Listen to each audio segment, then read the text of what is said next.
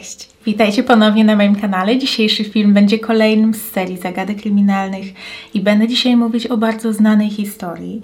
Można powiedzieć, że jednej z najgłośniejszych spraw w historii Australii. Będzie to sprawa zaginięcia trójki dzieci w 1966 roku. Przez lata w tej sprawie pojawiały się dziesiątki tropów, podejrzanych i teorii. Postaram się dzisiaj jak najlepiej je przedstawić i mam nadzieję, że jeśli jeszcze nie słyszeliście o tej historii, to ten odcinek okaże się dla Was interesujący. Zapraszam do oglądania. Wszystko zaczęło się w Somerton Park, przedmieściu miasta Adelaide w południowej Australii. W 1966 roku w domu przy Harding Street 109 mieszkała rodzina Beaumont. Należeli do niej rodzice, Grant Beaumont, którego wszyscy nazywali Jim, i tak właśnie będą o nim mówić przez resztę filmu, jego żona Nancy z domu Alice oraz trójka ich dzieci. Najstarsza była dziewięcioletnia Jane, następnie siedmioletnia Arna i najmłodszy Grant Jr., który miał 4 lata. Państwo Beaumont pobrali się w 1955 roku i od tego czasu wszystko układało się dokładnie tak, jak planowali. Mieli własny dom i powiększającą się rodzinę. Jim początkowo był w wojsku, a po zakończeniu służby znalazł pracę jako kierowca taksówki. Niestety to szczęście i sielankowa codzienność nie miały trwać wiecznie. Pod koniec stycznia 1966 roku Australia doświadczyła fali upałów. Mieszkańcy Adelaide i okolic nie wytrzymywali w domach i jedynym ukojeniem przy 40-stopniowych upałach były kąpiele w zatoce. Lokalne plaże były oblegane. 25 stycznia Jim po drodze na trzydniowy wyjazd służbowy podwiózł swoje dzieci na najbliższą plażę Glenelg Beach. Była to największa i najchętniej odwiedzana w tej części kraju plaża. Trójka bardzo często wychodziła z domu sama, dlatego zostawienie ich bez opieki na kilka godzin i pozwolenie na samodzielny powrót do domu autobusem nie było niczym nadzwyczajnym. Ta okolica była uważana za wyjątkowo bezpieczne miejsce. Po południu rodzeństwo bez problemów wróciło do domu. Następny dzień, 26 stycznia, był państwowym świętem. Był to tak zwany Dzień Australii. Był to również dzień wolny od szkoły i dla wielu dorosłych również od pracy, dlatego większość rodzin spędzała czas na świeżym powietrzu. Plaże były jeszcze bardziej zatłoczone niż zwykle. Jane, Arna i Grant świetnie bawili się na plaży poprzedniego dnia, dlatego poprosili Nancy, żeby i tym razem pozwoliła im pojechać na Glenelg Beach. To miejsce było oddalone od ich domu o zaledwie 3 kilometry, ale w tak upalne dni jak tamten wszyscy korzystali raczej z transportu publicznego. Matka odprowadziła dzieci na przystanek około 10 rano i poleciła, żeby wróciły przed porą obiadową. Dała im także drobne kieszonkowe. Miało ono starczyć na bilet autobusowy na plażę z powrotem oraz na niewielki posiłek. Jim i Nancy podkreślali, że ich najstarsza córka Jane była wyjątkowo dojrzała jak na swój wiek. Idealnie opiekowała się młodszym rodzeństwem, tak jakby była co najmniej jeszcze kilka lat starsza. Często także wyręczała rodziców w codziennych obowiązkach, takich jak na przykład zmienianie pieluszek młodszemu bratu.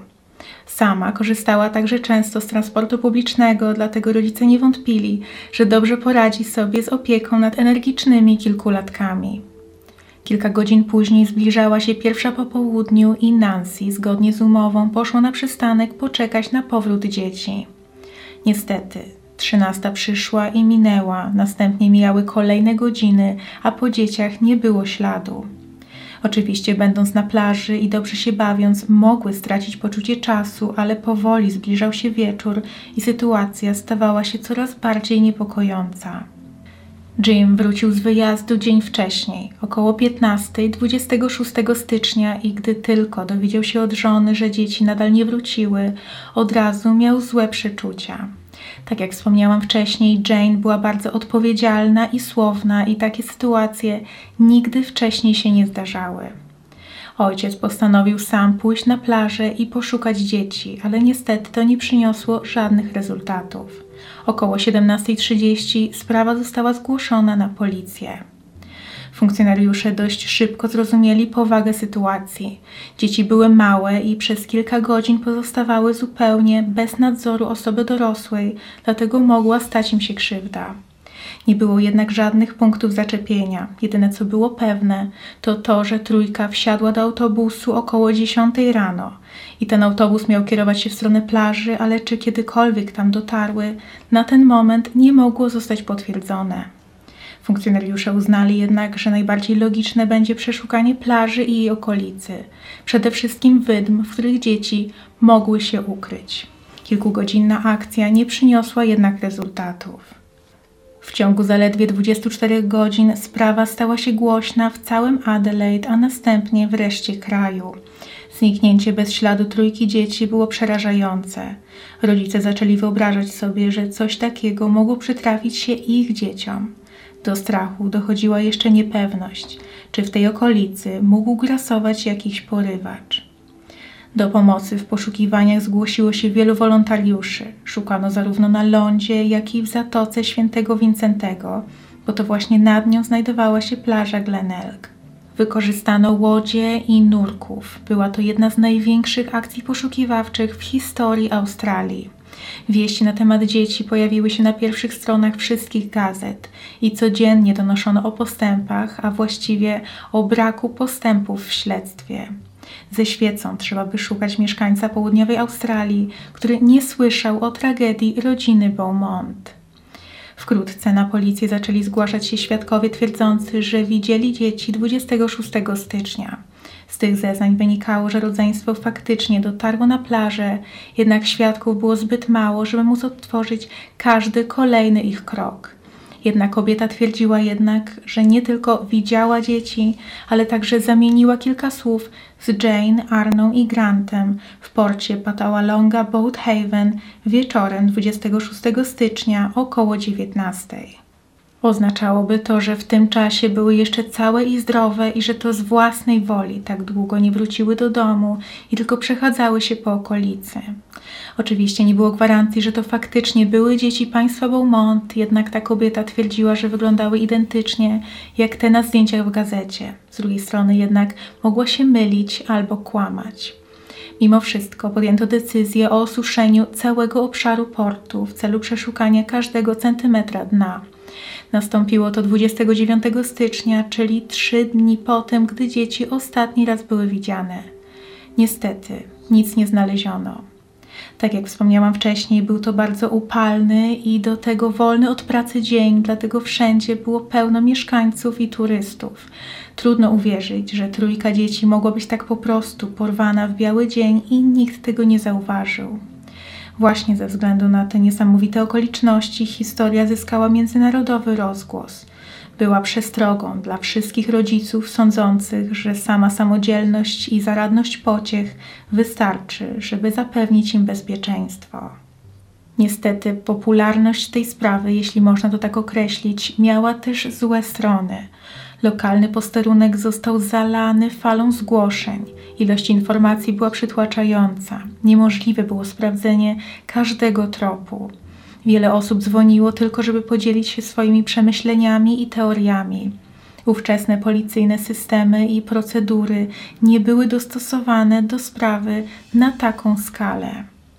Dodatkowo ta głośna historia stała się pożywką dla żartownisiów i osób pragnących uwagi kosztem innych.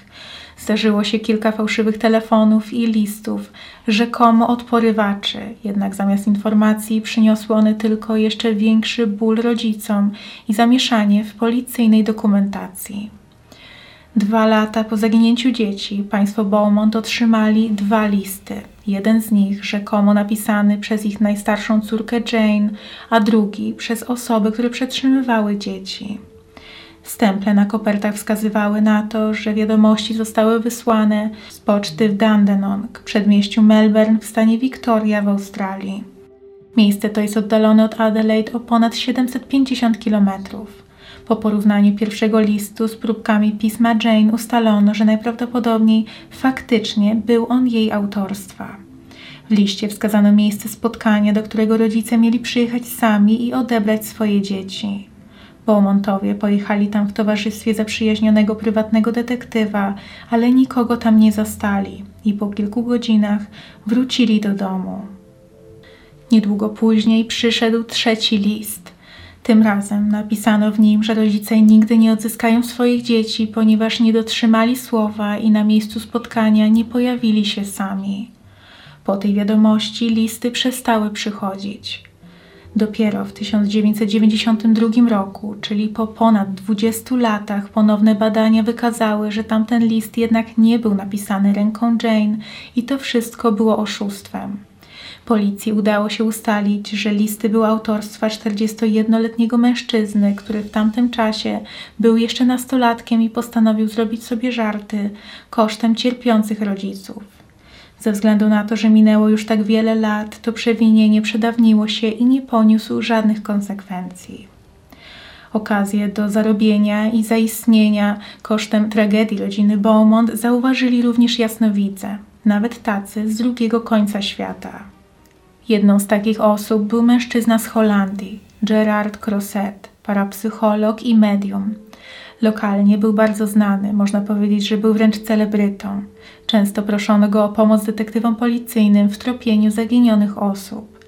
Wielu wierzyło w jego moce, choć patrząc na bilans porażek i sukcesów, nie wyglądało to najlepiej. Udanych wizji było tak niewiele, że można przypisać je po prostu szczęściu i zbiegom okoliczności. Mężczyzna przyleciał do Australii 8 listopada 1966 roku, ponieważ stwierdził, że miał wizję i wie, gdzie dzieci zostały ukryte. Miejscem tym miała być stara ceglana fabryka i poinstruował policję, żeby rozkopali podłogę zalaną betonem. Kilka miejsc na południu Australii pasowało do opisu. Gerard jeździł wraz ze śledczymi sprawdzać, który z budynków widział podczas wizji i w końcu wskazał jedną z fabryk. Tak jak chciał, miejsce zostało rozkopane, ale nic nie znaleziono. Jasnowidz został odsunięty od sprawy i wrócił do ojczyzny, jednak nadal mocno obstawał przy swoim zdaniu, że dzieci są ukryte w fabryce, tylko że to nie było akurat to konkretne miejsce. W śledztwie oprócz teorii pojawili się także podejrzani. Zdaniem policji było tylko jedno logiczne wytłumaczenie tego, że trójka dzieci tak po prostu rozpłynęła się w powietrzu i było to właśnie porwanie. Udało się nawet stworzyć portret pamięciowy mężczyzny, który kilku osobom wydał się podejrzany i przebywał na plaży 26 stycznia. Podobno był on widziany w towarzystwie trójki dzieci, jak schodził z nimi z plaży. Był wysoki, szczupły, miał blond włosy, był dość opalony i miał między 25 a 30 lat. Jeden element nie pasował jednak do układanki. Dzieci nie wydawały się zdenerwowane ani skrępowane, a zdaniem Jima i Nancy ich pociechy były bardzo nieśmiałe. Dlatego można wnioskować, że to akurat nie były dzieci państwa Beaumont i że ten mężczyzna to był ich ojciec drugiej strony pojawiły się też podejrzenia, że mógł być to mężczyzna, którego dzieci znały ze swoich poprzednich, licznych wycieczek na plażę i dlatego nie były w jego obecności nieśmiałe. Może od dłuższego czasu on zdobywał ich zaufanie i czekał na odpowiedni moment. Arna podobno kilka dni wcześniej powiedziała matce, że Jane ma chłopaka na plaży. Nancy uznała, że chodzi o chłopca w ich wieku, z którym córka się zaprzyjaźniła, jednak z perspektywy czasu to mógł być dorosły mężczyzna. Kolejnym świadkiem w sprawie był właściciel piekarni Wenzel's Cake Shop przy Mosley Street. Około południa rodzeństwo Beaumont przyszło do sklepu i za zakupy zapłaciło banknotem jednodolarowym. Gdy ta informacja została przekazana Nancy, kobieta bardzo się zdziwiła. Wiedziała, że tego dnia dała dzieciom drobne na lunch, jednak na pewno nie była to jednodolarówka, a kilka monet, konkretnie sześć szylingów i sześć pensów. Sprzedawca zapamiętał dzieci właśnie dlatego, że miały przy sobie banknot jednodolarowy, a to była dość spora suma jak na tak małe dzieci. Sprawdziłam i faktycznie jeden dolar australijski w latach 60. był wart tyle, co 15,51 obecnie. Była to spora suma, jak na tylko przekąskę i bilety, i Nancy zarzekała się, że na pewno nie dała tyle dzieciom. Pojawiało się więc pytanie, skąd miały pieniądze. Może dostały je od kogoś, kto chciał wkupić się w ich łaski i zdobyć zaufanie. Dodatkowo sprzedawca powiedział, że kupiły aż cztery wypieki. Ten czwarty to był pasztecik z mięsem, a rodzice twierdzili, że żadne z ich dzieci nie lubiło takiej przekąski, dlatego nie wiadomo było, dla kogo taki kupiły, może na czyjeś życzenie, może właśnie tej osoby, która dała im pieniądze. W międzyczasie pojawił się kolejny świadek. Był to listonosz, który około 15 26 stycznia widział trójkę dzieci idącą ulicą Jetty Road w kierunku mogącym prowadzić do domu państwa Beaumont. Dzieci nie wydawały się jednak przestraszone ani zagubione, wręcz przeciwnie, podskakiwały i śmiały się. Tym razem również nie ma gwarancji, że byli to Jane, Arna i Grant, ale jeśli tak, to nie wiadomo dlaczego nie pojechał autobusem, tak jak obiecały mamie. Kilka miesięcy po zaginięciu dzieci na policję zgłosiła się kobieta twierdząca, że widziała, jak późnym wieczorem 26 stycznia mężczyzna prowadził dwie dziewczynki i chłopca do opuszczonego budynku. Widziała, jak wchodzą do środka, a następnie jak chłopiec wybiega, ale zostaje złapany przez mężczyznę i ponownie zabrany do budynku. Wróciła w to miejsce następnego dnia, ale wtedy nikogo już tam nie zastała. Wydaje się, że ten trop jest bardzo obiecujący, jednak zdaniem policji nie może być uznany za wiarygodny. Nie wiadomo dlaczego kobieta czekała aż kilka miesięcy ze zgłoszeniem tak potencjalnie kluczowych informacji. Możliwe więc, że po prostu kłamała. Na początku 1967 roku na australijskim kanale 10 wyemitowany został odcinek programu dla dzieci z widownią na żywo. Jedna z dziewczynek na widowni łudząco przypominała zaginioną Jane. Sześć zupełnie niezależnych od siebie osób zgłosiło się do twórców programu oraz na policję ze swoimi podejrzeniami, i wśród tych osób była także Nancy Beaumont. Emisja odcinka nastąpiła kilka tygodni po nagraniu, ale każdy uczestnik musiał okazać dokumenty. Jego nazwisko i adres były wpisane na listę. Po sprawdzeniu jej okazało się jednak, że dziewczynka podała nieistniejący adres i najprawdopodobniej fałszywe nazwisko. Wszystko wskazywało na to, że mogła to być zaginiona dziesięciolatka. Nie udało się znaleźć innego wytłumaczenia, dlaczego tak małe dziecko miałoby ukrywać swoją tożsamość. Niestety, ze względu na brak informacji i punktów zaczepienia, dziewczynki nie udało się nigdy namierzyć. W 1990 roku Nancy i Jim otrzymali niespodziewany cios. W mediach opublikowane zostały narysowane portrety tego, jak ich dzieci mogą wyglądać po 24 latach. Rodzice nie zostali poinformowani o tym, że takie portrety powstaną, ani nie wyrazili na to zgody, dlatego wywołało to nagłą falę wspomnień i negatywnych emocji sprzed lat. W międzyczasie w sprawie pojawiło się też kilku nowych podejrzanych. Policja stworzyła listę przestępców, którzy pod koniec stycznia 1966 roku przybywali w Adelaide i w okolicach. Pierwszym z nich był Bevan Spencer von Einem. Mężczyzna został skazany w 1984 roku i podobno chwalił się swoim znajomym, że porwał kiedyś trójkę dzieci. Podczas swoich przesłuchań jednak wszystkiemu temu zaprzeczał. Wiadomo jednak, że od dawna był znany jako dziwak i często kręcił się na okolicznych plażach i obserwował dzieci. Kolejny był Arthur Stanley Brown, skazany w 1998. Był on jednym z głównych podejrzanych w sprawie tzw. Tak The Oval Abduction. Często jest to sprawa uważana za powiązaną ze zniknięciem dzieci Beaumont. Podczas meczu futbolu australijskiego w Adelaide Oval 25 sierpnia 1973 roku zniknęły dwie dziewczynki. Okoliczności były podobne i równie tajemnicze, co w sprawie, która jest głównym tematem dzisiejszego filmu. Brown w 66 miał jednak 53 lata, czyli nie pasował do opisu mężczyzny, z którym trójka rodzeństwa była widziana. Następnie podejrzani byli James Ryan O'Neill i Derek Ernest Percy. Ten drugi miał problemy psychiczne i przyznał, że nie może ze stuprocentową pewnością przyznać, że nie miał nic wspólnego ze sprawą uprowadzenia dzieci. Miał jednak wtedy 17 lat, dlatego również nie pasował do opisu. Ostatnim i najważniejszym podejrzanym w sprawie był Harry Phipps. W 2013 roku opublikowana została książka pod tytułem The Satin Man Uncovering the Mystery of the Missing Beaumont Children, czyli The Satin Man Odkrywanie tajemnicy zaginionych dzieci Beaumont. Książce nie podano nazwiska tak zwanego statynowego mężczyzny, ale nie trwało długo, zanim zostało ono upublicznione. Był nim właśnie Phipps. Harry pasował do opisu osoby, która była widziana w towarzystwie dzieci. Był też wysoko postawiony i szanowany. Był milionerem i biznesmenem, właścicielem fabryki. Miał też własną rodzinę, w tym dwójkę dzieci. Jego syn Hayden w 1966 roku miał 15 lat. Jedna z posiadłości Phippsa znajdowała się w odległości zaledwie kilkuset metrów od Glenelg Beach, a on sam mieszkał w Adelaide.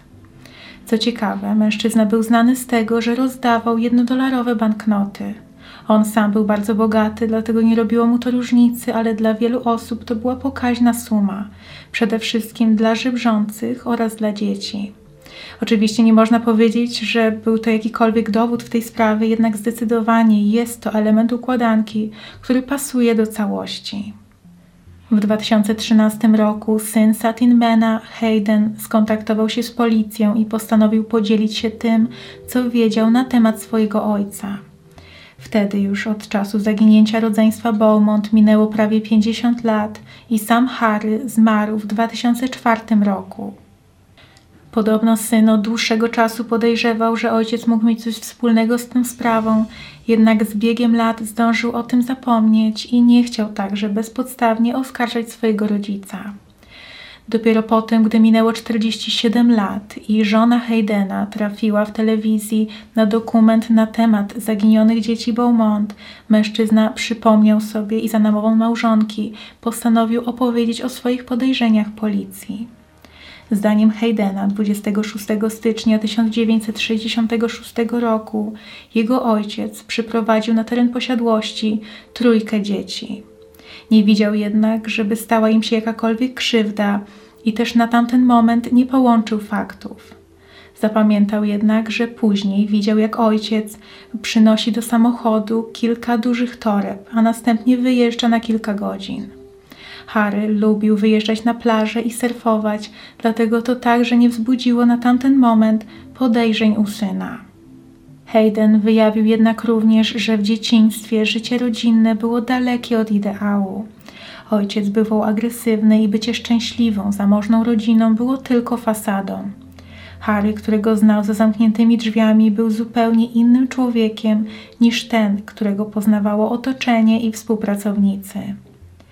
Po wyjściu na jaw podejrzeń wobec mężczyzny na policję zgłosiły się dwie osoby twierdzące, że w 66 dostali zlecenie od Harry'ego Phippsa, żeby wykopać dziurę na terenie należącym do jego fabryki New Castelloy w North Plimpton na przedmieściach Adelaide.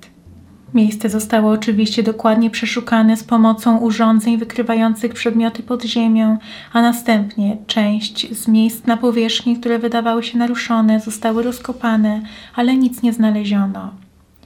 Popularną teorią w tej sprawie jest ta mówiąca o tym, że dzieci faktycznie zostały porwane, jednak nie po to, żeby je skrzywdzić, ale żeby zostały sprzedane w ramach nielegalnej adopcji.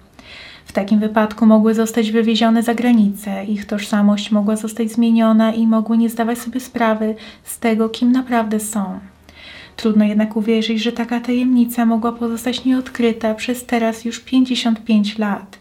Zwłaszcza, że dwójka z tych dzieci miała po 7 i 9 lat. Jest to już wiek szkolny, ma się dużą świadomość swojego otoczenia i naprawdę wiele wspomnień. Pojawiły się również teorie o tym, że to sama matka, Nancy, mogła mieć coś wspólnego z zaginięciem swoich dzieci. Podejrzenia te były oparte tylko na domysłach, ale i tak zyskało to spory grono zwolenników. Nie umiem nawet wyobrazić sobie, co kobieta musiała wtedy czuć. Nie tylko cierpiała ze względu na stratę wszystkich dzieci jednocześnie, a teraz jeszcze była oskarżana o coś tak strasznego. Niestety, część zwolenników teorii mieszkała w okolicy i zdarzały się przypadki, w których podchodzili do Nancy na ulicy i znęcali się nad nią psychicznie.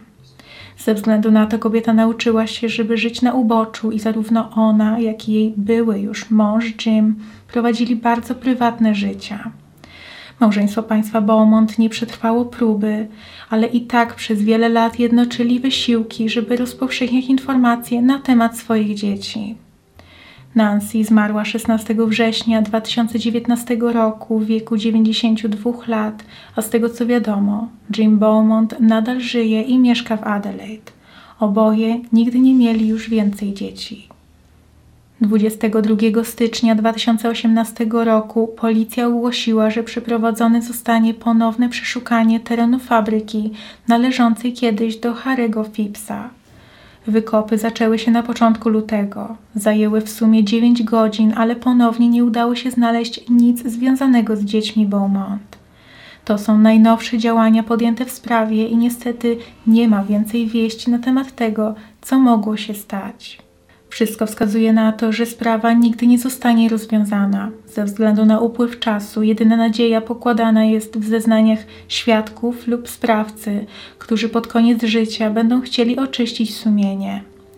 Nadal obowiązuje nagroda w wysokości miliona dolarów australijskich za informacje, które albo doprowadzą do odnalezienia rodzeństwa, albo do poznania prawdy na temat tego, co ich spotkało. Nic jednak nie wskazuje na to, że takie wieści kiedykolwiek mają się pojawić.